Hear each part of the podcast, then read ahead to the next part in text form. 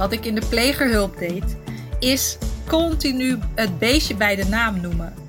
Want wat er gebeurt is het bagatelliseren. Van nou ja, het ging per ongeluk of het was een kleine tik. En dan vroeg ik ook een kleine tik. Ja, een kleine tik kan dit zijn, maar een kleine tik kan ook dit zijn. Doe eens voor, niet op mij, maar doe eens voor.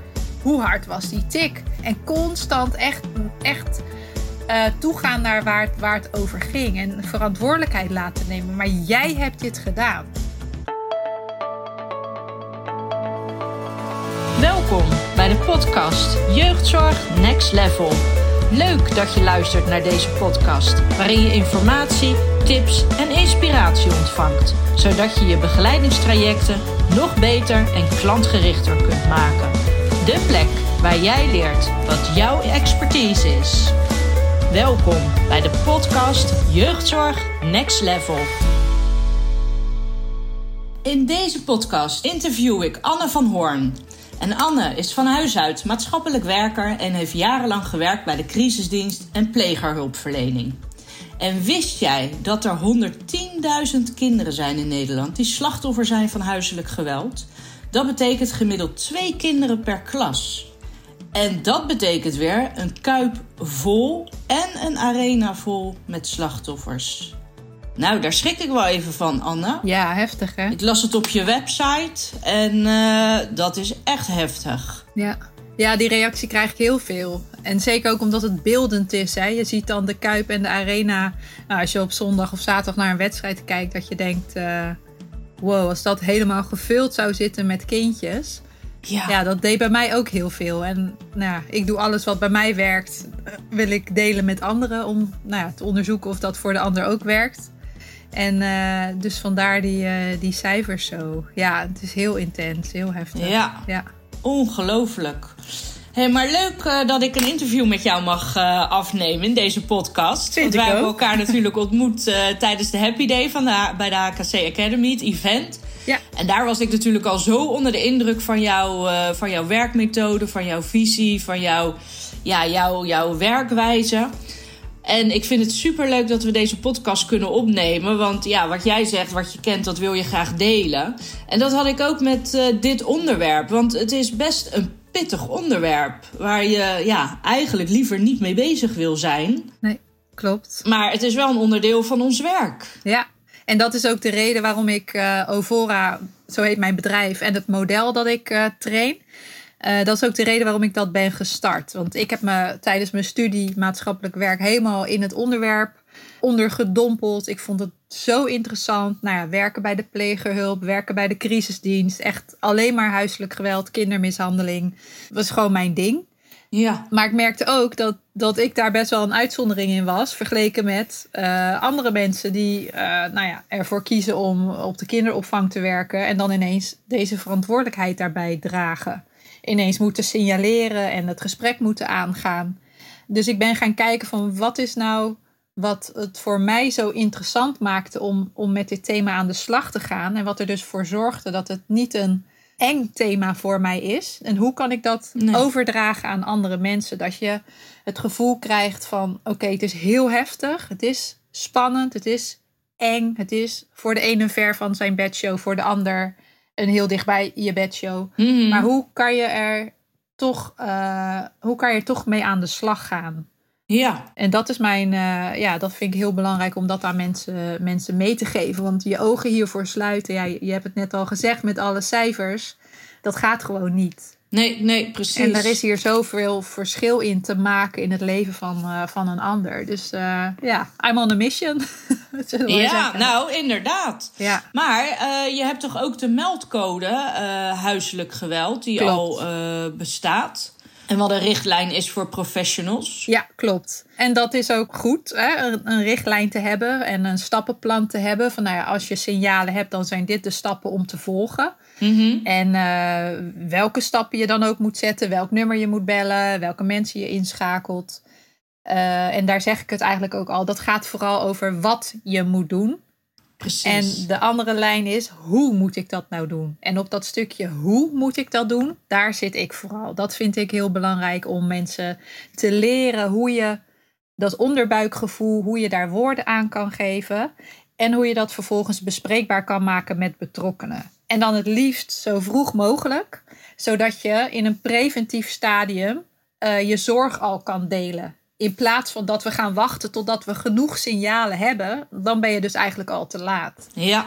En ja. Uh, dus de meldcode is vooral wat moet je doen. En dat, ik zeg ook altijd, en dat klinkt een beetje denigrerend naar de meldcode. Dat bedoel ik niet zo. Maar dat is meer een, ja, dat kan je uitprinten, googlen en op je bureau leggen en uiteindelijk opbergen in de kast. Precies. Maar daarmee voel je je nog niet bepakt en bezakt genoeg om, mee, uh, om echt ja, het in de praktijk te brengen. En ik zag dat dat ontbrak in de hele aanpak. En laat dat nou net het stuk zijn waar ik heel enthousiast van word en wat ik ontzettend leuk vind om te doen. Dus uh, zo, uh, zodoende. Ja, mooi hoor. Want inderdaad, wat je zegt, het is. Kijk, je kan wel weten wat je hebt te doen, maar hoe je het moet doen, dat is gewoon echt wel een hele grote drempel voor heel veel ja, mensen. Zeker. En uh, nou ja, er zijn zeker heel veel young professionals die ook naar deze podcast luisteren. En ja, die hebben wel een onderbuikgevoel, hoe jij dat zo mooi aangeeft. Maar ja, hoe ga je dat aanpakken? Wat Ja. ga je doen? En ja, dan sluiten ze zich ervoor af, of kunnen ze zich ervoor afsluiten, waardoor ze het laten doorappen. Ja, en dat is super zonde, want dat is zonde voor de persoon waar je je zorgen over maakt.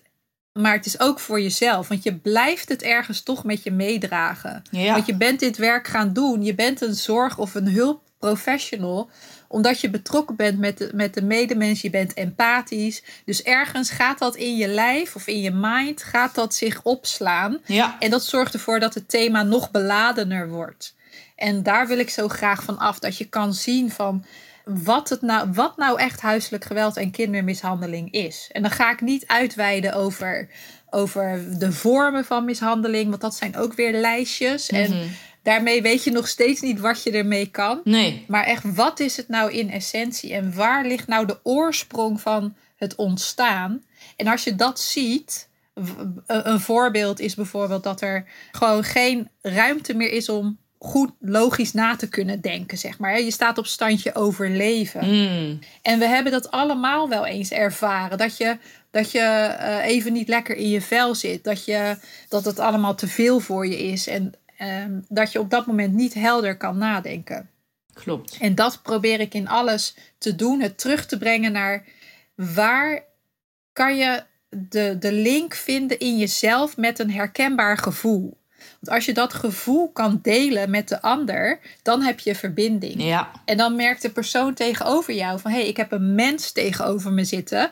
In plaats van iemand van een organisatie die nou ja, een, nu een intakegesprek met mij aan het afnemen is. precies. Eh, en dan zeg ik niet mee dat wat jij hebt ervaren te vergelijken is met waar iemand in zo'n situatie mee eh, doorheen gaat. Dat wil ik even wel benoemen. Mhm. Eh, maar in essentie kan je wel in grote lijnen het gevoel herkennen in het klein bij jezelf. Ja, En dat kleine beetje helpt al om, om verbinding te krijgen. precies. En ligt dat dan Ja. ook aan de, de, de, je taalgebruik, de communicatie? ehm, Alle, ja, wat mij betreft bijna alleen maar aan de communicatie.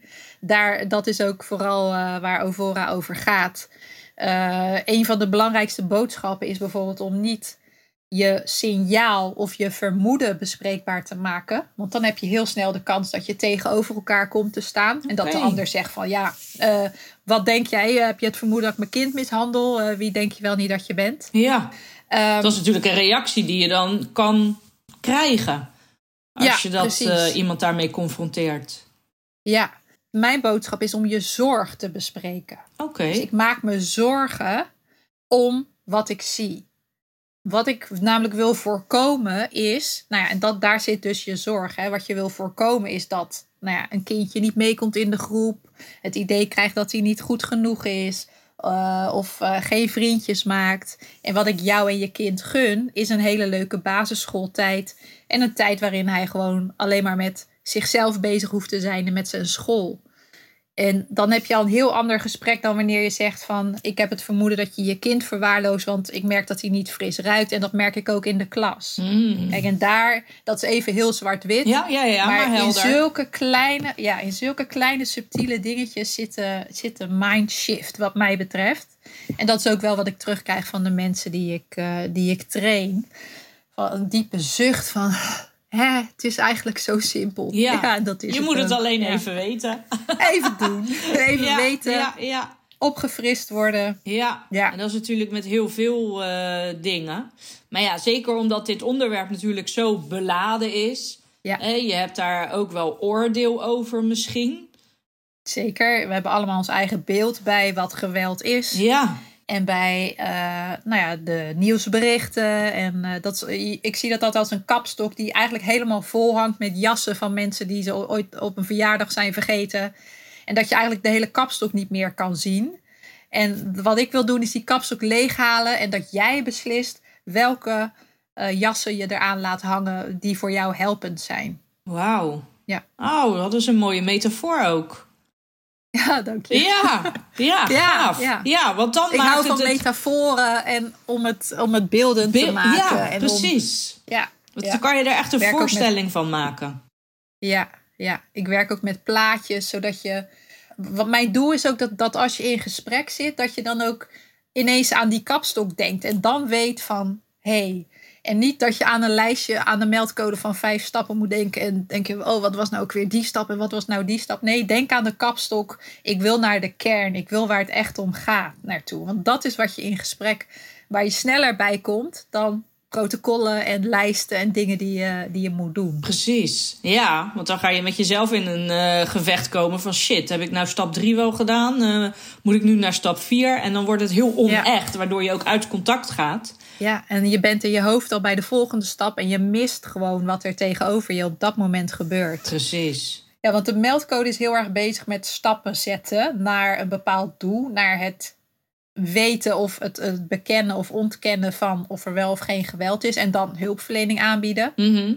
Maar dat zorgt er dus voor, wat ik net al zei, dat je mist wat er in gesprek gebeurt. Ja, En als je als doel hebt om te weten of geweld er speelt of niet, dan zal je dat doel nooit kunnen halen. Want ook al wordt het bewezen, dan nog kan over tien jaar blijken dat het niet zo was. Ook al slaat de rechter de hamer op, kan alsnog blijken van, nou, dat is alsnog verkeerd ingeschat. Mm. Terwijl als je met het doel het gesprek ingaat. Ik wil dat degene zich gehoord voelt. Ik wil dat degene zich gezien voelt. Ik wil een luisterend oor bieden. Ik wil de deur openzetten voor, eh, nou ja, voor een verder gesprek. Ja, dan, dan haal je je doelen wel. Dat is wat je altijd kan betekenen. Ik wil een zaadje planten. Dat diegene eens gaat nadenken over of hij of zij wel zo verder wil leven. En dat bedoel ik niet eruit het leven stappen, Nee, nee, maar nee, uit de nee. De situatie manier stappen. hè. waarop. Ja, Ja, en dat je diegene een zaadje plant en de volgende keer geef je het zaadje water. De volgende keer ververs je de aarde. En een, iemand anders schijnt er een zonlicht, eh, een zonnetje op. En zo kan op een gegeven moment dat zaadje gaan, gaan bloeien. Want dat is het proces hoe het ook gaat. Mensen gaan niet in één keer stappen ze eruit. Nee. En doen ze dat wel, gedwongen, is de kans op teruggaan weer heel erg groot. precies. Dus ehm, Het is ook een soort gedragsverandering, denk ik. Hè? Wat Absoluut, er, ja. Maar ook een mindset, ook bij ouders. ja, Hè? Of bij de Ja, mensen die het, eh, ja, die het doen, die het plegen. zeker. Dus dat heeft tijd nodig. Ja, als je daarin te snel wil, dan, dan, dan, dan ben je aan het dweilen met de kraan open. En dat gevoel hangt ook aan de kapstok. Heeft het wel zin wat we allemaal doen? Ja, waardoor mensen dus misschien ook wel heel snel actie ondernemen. Die eigenlijk van kwaad tot erger worden. Ja, of geen actie, omdat ze denken van ja, maar ze, ze komen toch wel weer bij elkaar. Precies, ja. Jeetje, maar wat een mooie Dus, missie eh, is dat. Dat jij dat zo voor jezelf hebt. eh, nou, niet voor jezelf, maar dat je dat. Nou ja, wel voor jezelf, want je bent voor jezelf gestart natuurlijk. Ja, En hier heb je Ja. je helemaal op toegespitst om dit goed uit te werken, maar ook goed over te kunnen dragen. Want wat is de reden geweest dat jij voor jezelf bent gaan starten? Of het moment? nou, ik heb een tijdje eh, lopen klagen in mijn werk. Dat ik al merkte van het, het kan anders. Dat is ook de slogan van mijn bedrijf. Ja, Maar ik zat in de fase van er tegenaan schoppen, ontevreden. En nou, eh, zo kan het niet langer. En, eh, maar goed, geen actie, maar gewoon wel Onvrede. ontdekken van onvrede. En toen op een gegeven moment werd ik gevraagd door iemand om een eh, training voor tandartsen te schrijven, een pilot. En toen dacht ik, ja, als ik dat voor iemand anders kan, dan kan ik dat voor mezelf ook. En zo is het eigenlijk heel toevallig. Ook vanuit een punt in mijn leven waarin alles wegviel. Alle zekerheden die ik had. Uh, relatie ging stuk, huis moesten kopen, de verf op de muren was nog nat. Ehm, baan opgezegd. He helemaal vanuit nul, vanuit een pijnpunt, uh, ja, is dit ontstaan. En Wow. ja, dat, dat is dan toch uh, ja, uiteindelijk je, je kracht of zo. Want dan Ja. heb je niks meer te verliezen. Nee, precies. En dan kan je gaan. Ja, wauw. Ja. Oh, wat knap. En dit Ja. komt natuurlijk ook zo vanuit jouw intrinsieke motivatie. Ja, het is ook als, als mensen mij vragen van hoe is dat dan ontstaan, lijkt het alsof alles per toeval is ontstaan. Per toeval kwam ineens, kwamen die eerste letters van dat Ovora-model eh, naar voren. En per toeval dacht ik, ik ga, dit, ik ga dit voor mezelf doen. En achteraf kijk je dan terug en denk je, ja, daar was ik al klaar voor. En bij mij is er al eerder een zaadje geplant. En dat komt dan tot, tot bloei. Maar het is wel heel grappig dat, dat ik nog steeds dat gevoel heb. Het is allemaal zo gelopen zoals het moest lopen. Ja. Er is niet een punt geweest van dit ga ik doen en dit wil ik voor mezelf gaan doen. Nee. Het was wel duidelijk, ik wil mensen trainen in de gespreksvoering rondom huiselijk geweld en kindermishandeling. En dat is uiteindelijk in een vorm gegoten zoals het nu is. Dus dat is ja, wel eh, bijzonder hè. Maar dan, ja, dan Ja. past het gewoon helemaal bij je. Ja, zeker. Echt tof. Zeker. Hey, je had het net Ja. over het Ovora-model. Je hebt dat ontwikkeld. Eh, het Ovora-model zijn ook een soort stappen, eh, of meer een proces, denk ik. Ja, Waar je het onder kan schalen. Zou je daar iets meer over kunnen vertellen? Zeker. Het Ovora-model is inderdaad een, een, een proces.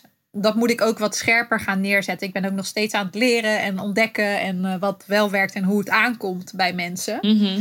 En ehm, ik merk dat mensen dat toch heel erg de neiging hebben om in een stappenplan te denken. Ja. Dus ik ben nu voor mezelf ook bezig van hoe kan ik dat stappenplan eraf halen. Want het is wel een.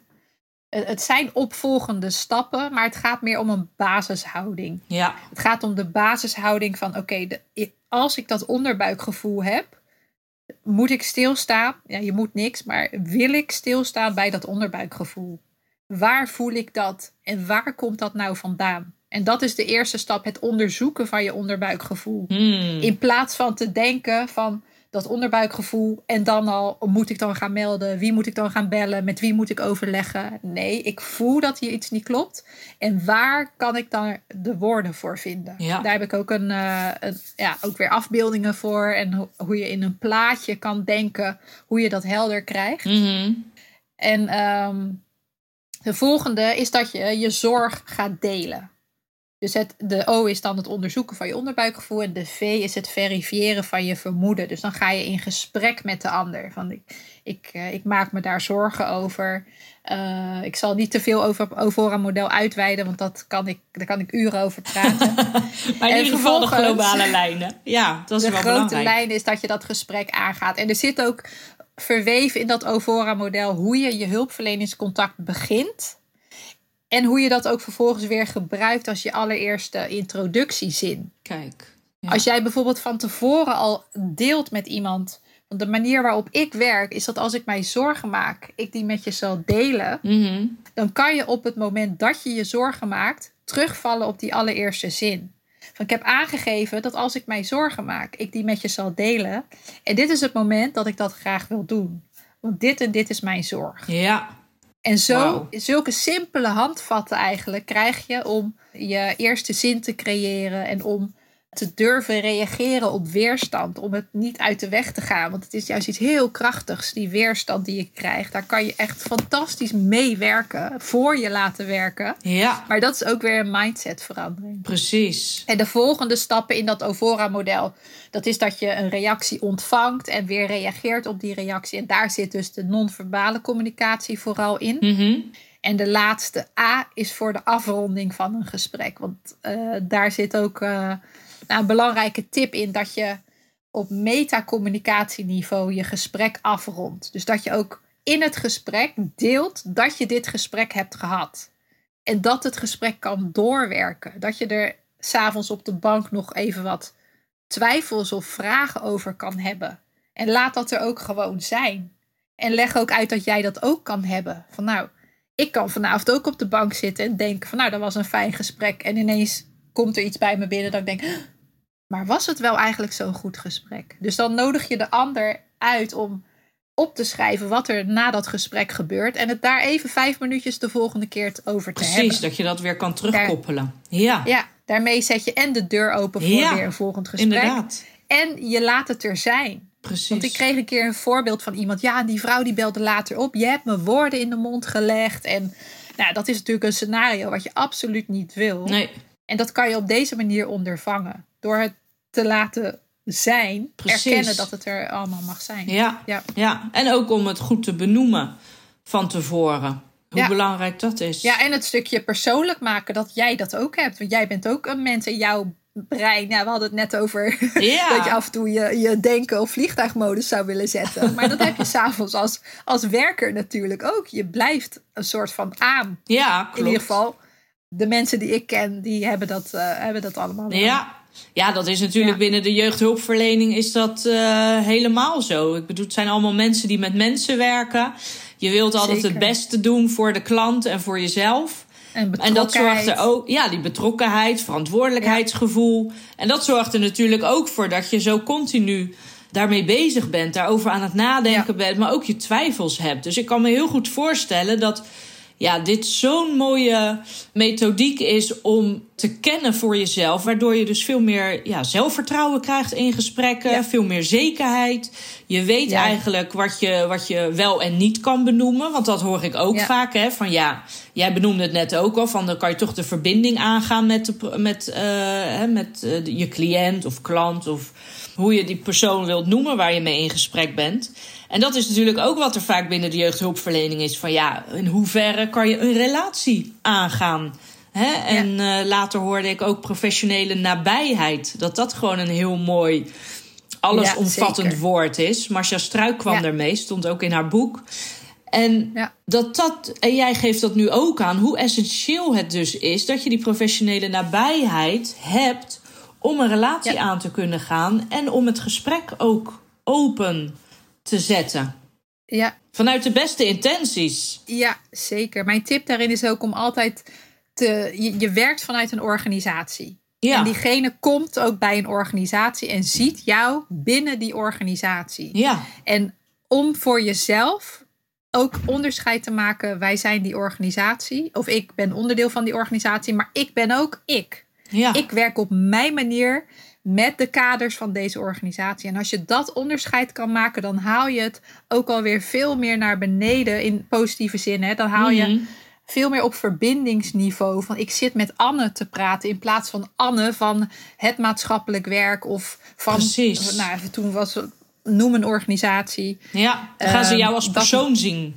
Precies. En dat, dat helpt ook om verbinden, eerder verbinding te krijgen. Ja, absoluut. En dat is denk ik wel een grote ontwikkeling hè, binnen de jeugdhulpverlening of binnen de jeugdzorg Gelukkig. sowieso. Dat dat nu veel meer eh, naar voren komt. Dat dat Ja. de nou, sleutel is tot echte verandering, blijvende verandering. Zeker, zeker. Ja. ja, en ik heb daar ook al wat artikelen over geschreven. Staan ook op mijn website over dat de meldcode en protocollen die geven richting in wat je moet doen. Mhm. Maar er wordt ook een soort een bepaalde veiligheid aangehangen. Van als we dat maar doen, dan weten we precies of het wel of niet zo is. En dan alsof het dan allemaal veilig is. Ja. Maar dat, dat is een schijnveiligheid. Ja, En, en je kan, nu is er een tijdje geleden al die aanscherping in de meldcode gekomen. Omdat we toch merken van, ja, maar het is niet genoeg wat, wat de meldcode doet. Mm. En eh, die aanscherping zorgt voor nog meer Regeltjes. rijtjes en kaders van Ja. waarin we kunnen denken. Ja. Waarin je eigenlijk het van jezelf af kan halen. Van oké, ik twijfel, ik voel me hier onzeker over. Oké, ik ga kijken in welk rijtje, in welke categorie past dit dan nu? Mm. Maar dat is niet waar de oplossing in mijn Nee, optiek eh, zeker ligt. niet. Want, want mensen zijn niet in kaders en hokjes te plaatsen. En het is gewoon, en dat is heel moeilijk. Het is echt gevoelswerk. En Ja, aan durven staan. Ja, en dat is denk ik ook juist, hè, zeker als je kijkt binnen de jeugdzorg, dat er veel mensen met een burn-out te kampen hebben, met, uh, zelf met depressies, dat ze uitvallen door ziektes. Ik denk ook dat dit echt de turning point is of kan worden. Dat er veel meer wordt gekeken van hé, hey, maar wie ben ik als jeugdhulpverlener? Wat kan ik inbrengen ja. uh, als mens tot een ander mens? En ja. dat je dan veel Zeker. minder vanuit je hoofd gaat werken. Maar veel meer vanuit je hart en vanuit je onderbuikgevoel. Omdat dat uiteindelijk wel de juiste koers vaart. Of jou de juiste absoluut. richting geeft. Ja. En door al die wetten en protocollen en het werken vanuit je hoofd, ja, dan kom je in een soort controlfriekerigheid van, oh ja, maar ik moet dit en ik moet dat. En... Ja. En het is zo ver verwijderd van waarin je in essentie dit werk bent gaan doen. Ja, precies. En alles wat je, wat je adresseert bij de persoon tegenover jou, hè, op basis van verbinding, wat ik zei over die afronding, dat je daarmee kan zitten op basis van die, dat waardecontract, noem ik dat, hè, aan het begin van het gesprek, de manier waarop ik werk.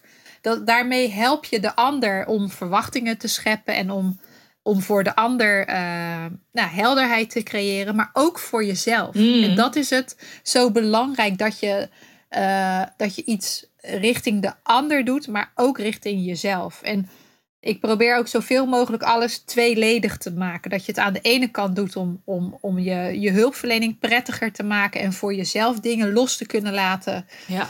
Uh, en ook voor de ander om, om, ja, om wat ik zeg, die verwachtingen helder te hebben. Of welk doel dan ook. Maar Precies. Laat, laat ook altijd je eigen zijn, je eigen gezondheid. En, en uh, laat dat ook alsjeblieft aanwezig zijn. En een hele belangrijke pijler in je werk zijn. Ja. ja. Want op het moment dat jij met die onzekerheid en die twijfel van heb ik het nu wel goed gedaan? En, oh, wat nou als dat en dat gebeurt? Of wat nou als ze boos worden? Of zijn ze na het gesprek?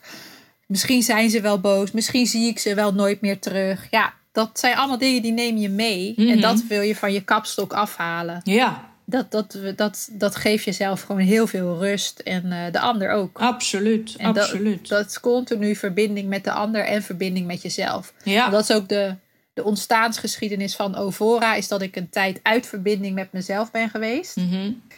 En geleerd heb in verbinding met mezelf te staan. Nou, en toen kwam het allemaal als een... Uh, Veel makkelijker. Als een raket ja. kwam het allemaal binnen. Ja, ja, ja, ja. ja.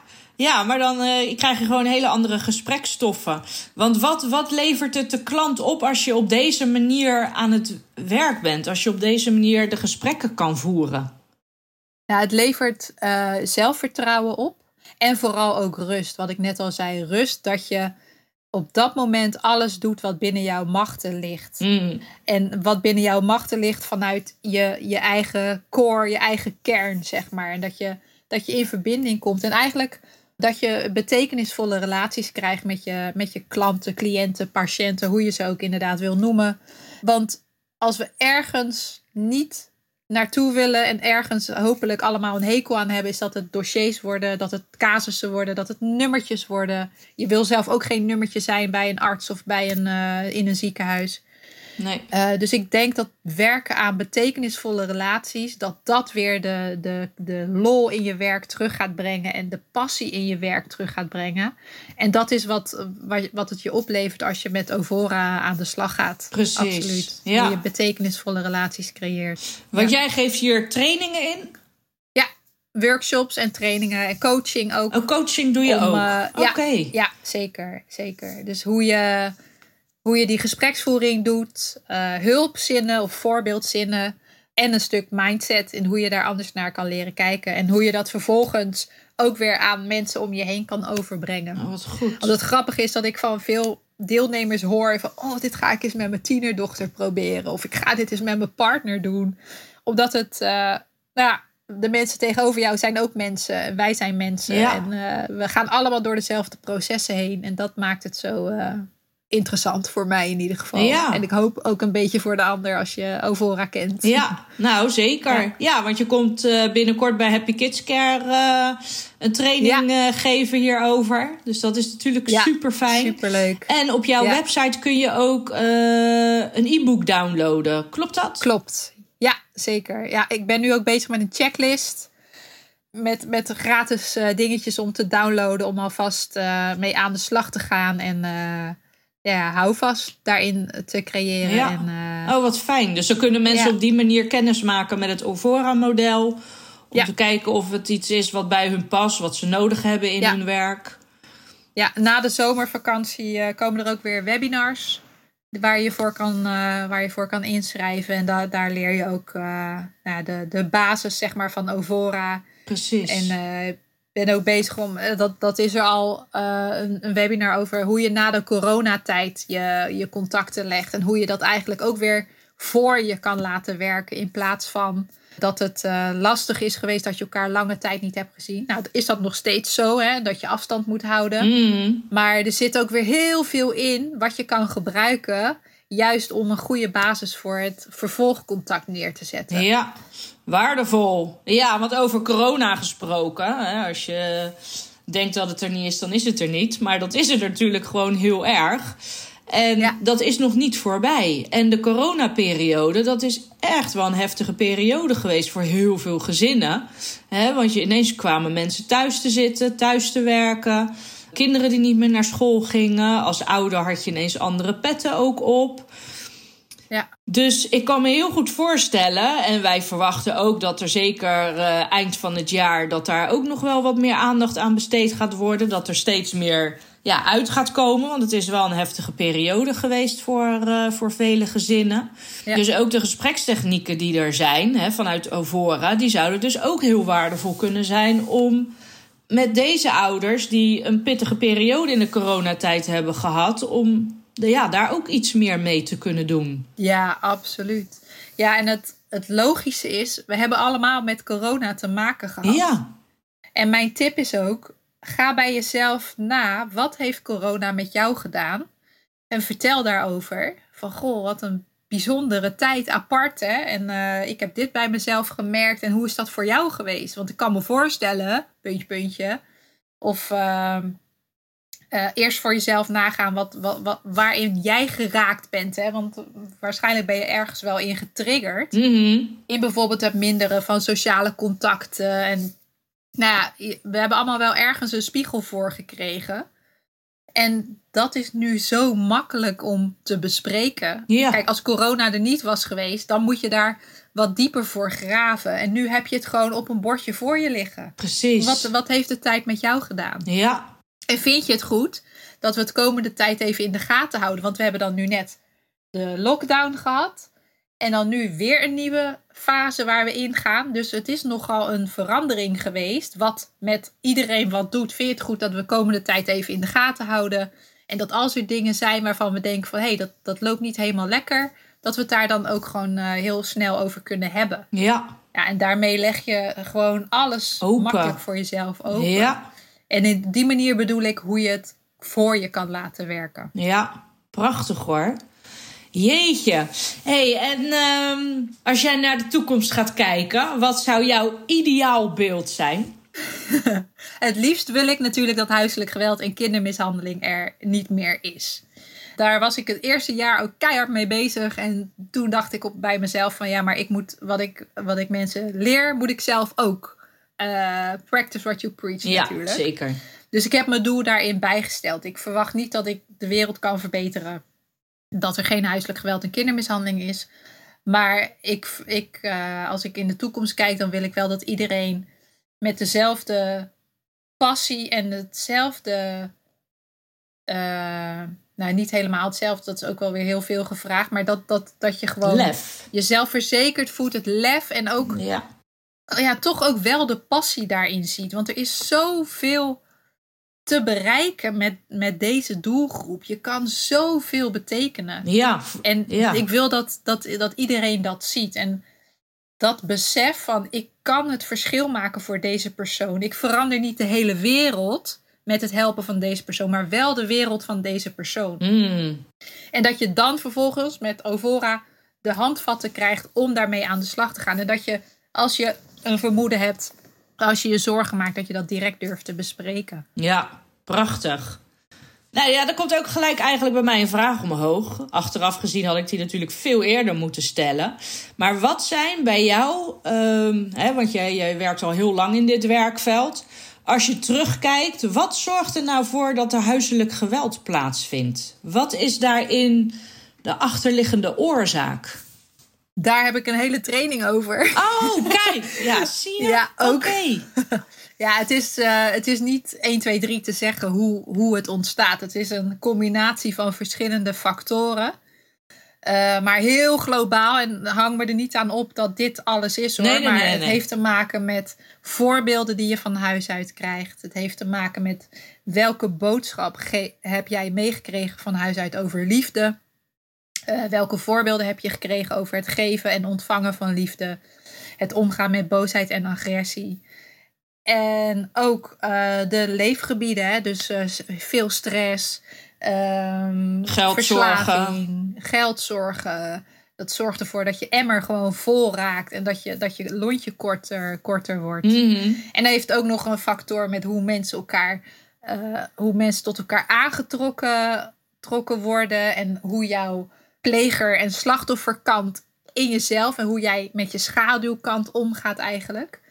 Uh, daar heeft het ook mee te maken. Mag Zo. die er zijn of moet die worden weggestopt? Want dat hebben we allemaal. We hebben ja. allemaal een, een, een, schaduwkant. En um, uh, ja, er is daar zoveel over te oh, vertellen. Daar interessant. Oh, dat wist ik helemaal over, niet. Over ja.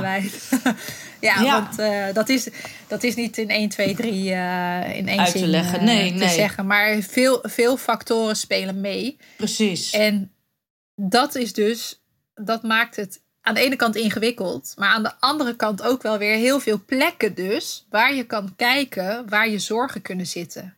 Hé, hey, we weten nu dat, dat uh, ja. uh, problemen op bepaalde leefgebieden, dat dat ervoor kan zorgen dat er veel stress is thuis. Dus laten we eens aan de slag gaan met die leefgebieden doordat het aan verschillende factoren gerelateerd is, hè, verschillende factoren die meespelen, zorgt dat er ook voor dat je in die verschillende factoren kan kijken van hé, hey, wacht, al in een preventief stadium, nee, dit zou een risicogebied kunnen zijn. Ja. Laat ik daar eens over in gesprek gaan. Van hoe kijk je daar zelf naar en vind je het goed als we daar eens, uh, nou ja, noem het maar op. Dus uh, ja, mensen, ja, ik hoop niet dat ik je nu teleurstel dat ik niet één antwoord heb. Want daar zijn hele boeken over geschreven en uh, heel veel informatie ja, over. Maar inderdaad, het gaat natuurlijk veel verder dan dat. En het komt ergens vandaan. En dat geef je eigenlijk heel mooi aan. Ja. Dat het uh, ja, door de omstandigheden kan komen, maar ook door uit het verleden, door voorbeelden. Ja. Door uh, ja, eigen frustraties, verslavingen, dat soort dingen. Dus er zijn heel veel ja, redenen die daarachter zitten. Wat ja, huiselijk geweld kan veroorzaken. Ja. Maar het is wel goed om te weten. Ja, zeker. Ja, en dat het aan zoveel factoren gelinkt is. Uh, ja. Je, ik, ik weet heel veel over huiselijk geweld. Ik, ik, uh, nou ja, je, je, kan er haast een, een formule van maken. Hè? Hoe, het, uh, hoe het werkt en hoe het verloop is in de meeste ja. gevallen. En dat is super interessant om allemaal te weten. Maar de uitdaging zit hem in het werken ermee. En in het overbrengen aan de betrokkenen en in de gedragsverandering. En daar is gewoon nog zoveel ja, te winnen. Dat, zeker, uh... zeker. Want stel dat iedereen met het Ovora-model gaat werken. Dat iedereen op deze manier leert hoe je in verbinding met de klant, uh, cliënt, patiënt, hoe mensen een uh, doelgroep ook noemen. Als ze daarmee de verbinding aangaan, het gesprek aangaan. Wat zou er dan alleen al niet veranderen? Nou, wat mij betreft is dan mijn doel bereikt. Want dan, ja. dan mag je er gewoon over spreken. Wat Precies. ik in de plegerhulp deed, is continu het beestje bij de naam noemen. Want wat er gebeurt is het bagatelliseren. Hè, van nou ja, het ging per ongeluk of het was een kleine tik. En dan vroeg ik ook een kleine tik. Ja, een kleine tik kan dit zijn, maar een kleine tik kan ook een hardere dit klap. zijn. Ja. Doe eens voor, niet op mij, maar doe eens voor. Hoe hard was die tik? En constant echt, echt uh, toegaan naar waar het, waar het over ging. En verantwoordelijkheid laten nemen. Maar jij hebt dit gedaan. Ook al zit zij als een wesp om je heen te zoomen en je, je helemaal gek te maken, al je triggerpunten in te drukken, alle knoppen, alarmknoppen, dan nog mag je de ander niet slaan of pijn doen. Die verantwoordelijkheid ligt bij jou. Dat heb jij gedaan. En ik wil met jou kijken hoe je ervoor kan zorgen dat je niet meer op dat punt komt. En dat je leert hoe je daar op een andere manier mee om kan gaan. Dus dat zijn hele directe gesprekken. Ja. Waarin best wel wat lef, wat, best wel wat lef vergt. En dat is. Uh, dat gaat heel ver. Hè? Maar dat, is ook je verantwoordelijkheid als professional, toch? Zeker, zeker. Ja. Maar als je op die manier kan praten over geweld. Want we, ook al heb je niet met huiselijk geweld te maken gehad, met kindermishandeling. Ik heb zelf, ik ben niet een slachtoffer van geweld. Ik ben ook geen pleger van geweld. Maar ik weet wel ik ken de emotie agressie. Ja. Die ken ik. Ik ken de emotie, ik ken het gevoel van liefde. Ik ken verdriet, ik ken alle emoties. En iedereen kent deze emoties. Dus dat maakt het zo makkelijk ook weer om mee te werken. Het gaat alleen om hoe ga je met die emoties om. En daar zit inderdaad die gedragsverandering. Ja. Ah, prachtig zeg. Leuk hè? Ja, ik kan erover blijven kletsen. Ja, ja, ja, maar dit is zo mooi. De manier hoe jij erover vertelt je, je maakt het ook toegankelijker. Je maakt het uh, simpeler. En het zorgt er ook voor, tenminste als ik jou zo hoor, en ik hoop dat de luisteraars dat ook zo ervaren, dat je denkt van hé, hey, ik ga hier meer, ik wil hier gewoon meer over weten. Ik ga meer op onderzoek uit. Uh, om deze stappen te volgen. En inderdaad, wat je ook aangeeft, het is een proces. Het zijn zaadjes die je plant. En wat we binnen de jeugdhulpverlening natuurlijk heel veel doen, dat is dat we allemaal bezig zijn met resultaten behalen. Maar die resultaten, die kan je pas behalen als je investeert in het proces. Ja, maar ook al eh, het feit dat iemand terug blijft komen bij jou, als je zo'n gesprek hebt gehad, is al een resultaat. Wat, wat, wat betekent een resultaat? Voor mij is dat, dat bedoel ik met omdenken. Uh, en het, dat is al een resultaat. Maar wij willen resultaten die in kaders passen, die in Excel-sheets passen, die we kunnen meten. Ja, tastbaar meten, ja. ja, maar ja. Het, dat iemand zijn hart bij jou lucht en een stukje, niet helemaal het achterste, maar een stukje van zijn tong laat zien. En diegene komt bij je terug. En je hebt daar hmm. weer een gesprek over. Dat is zo'n groot resultaat. Zo belangrijk. Maar dat staat, niet, dat staat niet in de, in de lijst, helaas. Nee, dat is jammer. En daarom is het goed dat we daar wel veel meer op gaan focussen. Ja. Want dat is waar het om gaat. Dat klanten bij je terug blijven komen. Dat ze afspraken niet af gaan zeggen. Ja, en dan weet je dat je op de goede weg zit. Ja, en als je die mindset voor jezelf ook hebt want het wordt van bovenaf opgelegd, de meldcode en uh, het meetbare. Met de regelgeving, ja. Juist. En als je continu, continu voor jezelf kan zeggen: ja, maar dit is een fantastisch resultaat. Ik was bang dat hij of zij niet meer terug zou komen, maar die komt wel terug. En diegene die blijft met mij in contact en vertelt stukje bij beetje steeds meer, dan kunnen de, de mensen in de praktijk dat geluid ook gaan laten horen naar bovenaf. Van ja, maar je, je hebt het nu over uh, zoveel meldingen, zoveel zus en zoveel zo. Maar kijk eens even, deze mevrouw of meneer waren we anders uit het oog verloren. En die hebben, daar hebben we nu nog contact mee. En ze is bereid om uh, naar een, uh, een groep te gaan waar meerdere moeders met drie kinderen zitten. Die eigenlijk helemaal het hoofd, alles moeilijk boven water kunnen houden. Kijk, dat zijn resultaten. En dat is ook zo mijn missie, dat we dat allemaal kunnen laten zien. En het tegengeluid kunnen horen van ja, maar dit is waar het om gaat. Het zit hem in de kleine dingen die eigenlijk heel erg groot zijn. Absoluut. En ook hierdoor geef je eigenlijk de klant het gevoel dat ze er niet alleen voor staan. Ook. Dat je er voor ze bent en dat er meerdere mensen zijn die ze kunnen steunen. Want dat is het denk ik ook wat er heel vaak gebeurt. Hè. Ze zijn ook uit contact met zichzelf. En ja, het, de verbinding gaan ze niet meer aan met anderen. En juist doordat je op deze manier de gesprekken kunt voeren, voelen mensen een uitnodiging om te kijken van oké, maar het kan dus ook anders. Hé, hey, wat fijn, iemand wijst mij niet af. Hé, hey, ik word gehoord, ik word gezien. Dus die klant die wil ook meer ja. stappen gaan ondernemen om te kijken van oh, hoe kan ik dat dan wel aanpakken? Ja, ik zat aan een metafoor van een baby te denken. Wat ik zeg, een half jaar geleden moeder geworden.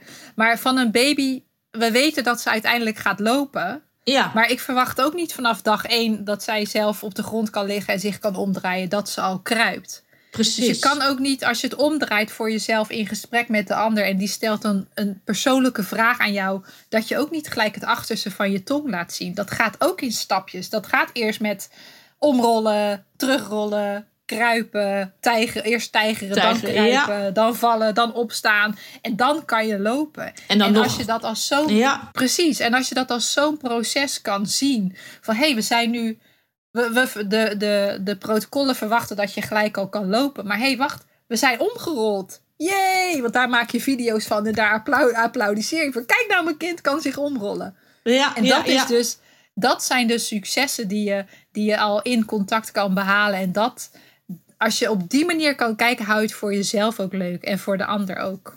Absoluut, absoluut. Oh, wat mooi zeg, Anne. Nou, volgens mij kunnen we hier nog uren verder over Nou, praten. inderdaad. Ik vond het een heel mooi interview, een hele mooie podcast. En ik zou je Ik willen vragen: wat is nog de laatste boodschap die jij aan onze luisteraars zou willen meegeven? Ehm, geef jezelf echt een hele, hele, hele dikke pluim voor wat je allemaal doet en hoe je het allemaal doet. En zet jezelf daarin in het zonnetje en vier je, vier je successen daarin. En, en ehm, accepteer voor jezelf hoe, eh, hoe mooi en waardevol dit werk is. Want als je dat voor jezelf kan, kan accepteren, van je doet het maar even. Je gaat maar even die lastige gesprekken aan met mensen. En je bent aan de zijlijn aan het zorgen dat de levens van anderen eh, tot volledige potentie geleefd worden. Nou, dat, dat, is, dat wordt nog wel eens vergeten. En dat wil ik je meegeven. Dat je, dat je even jezelf een eh super dikke pluim mag geven. En eh, vanuit dat gevoel ook door mag werken. Dus dat je niet denkt van ik moet allemaal dit en ik moet dat en dat lukt niet. En oh, daar voel ik me onzeker over. Nee, terug naar jeetje, ik doe dit allemaal maar even. Ik doe Ja. dit allemaal. Wow. Dat wil ik je heel graag meegeven. Prachtig. Nou, dat vind ik een hele mooie afsluiter, Anne. Ik wil je heel hartelijk bedanken voor, eh, voor dit mooie interview. Jij bedankt voor, voor, de, voor de gelegenheid en dat je, dat je me de kans geeft om hierover te vertellen. Je merkt waarschijnlijk dat ik er super enthousiast ja. over ben. De luisteraars zien het Dus niet, maar Anne nee. straalt van oor tot oor. En, Praat en dat is het ook. voeten. Het is gewoon Ja. een heel mooi en belangrijk onderwerp. En die niet zo beladen hoeft te zijn als dat je in eerste instantie zou denken. Ik wil de luisteraars ook echt uitnodigen om naar ovora.nl te gaan. Daar het e-book te downloaden, te lezen over eh, de, de mogelijkheden vanuit het Ovora-model. En dat ze hierin eh, ja, stappen gaan zetten om voor zichzelf wat meer zekerheid te krijgen in de gesprekken die ze voeren met, eh, met hun klanten. En nog één dingetje. Je kan gratis eh strategie-sessies bij mij boeken. Dat is een, een half uurtje via Zoom of via de telefoon. Eh, als je vragen hebt over het e-book of eh, überhaupt over een lastige casus, dan kijk ik een half uur geheel vrijblijvend eh, met je mee. Dus eh dat staat ook allemaal op mijn website. Dus mocht je daar behoefte aan hebben, dan kan dat. Ah, prachtig aanbod. Daar gaan we de luisteraars zeker naartoe verwijzen. Heel erg bedankt nogmaals. Jij ook. En we sluiten deze podcast af. Helemaal goed. Tot de volgende podcast. Doei doei.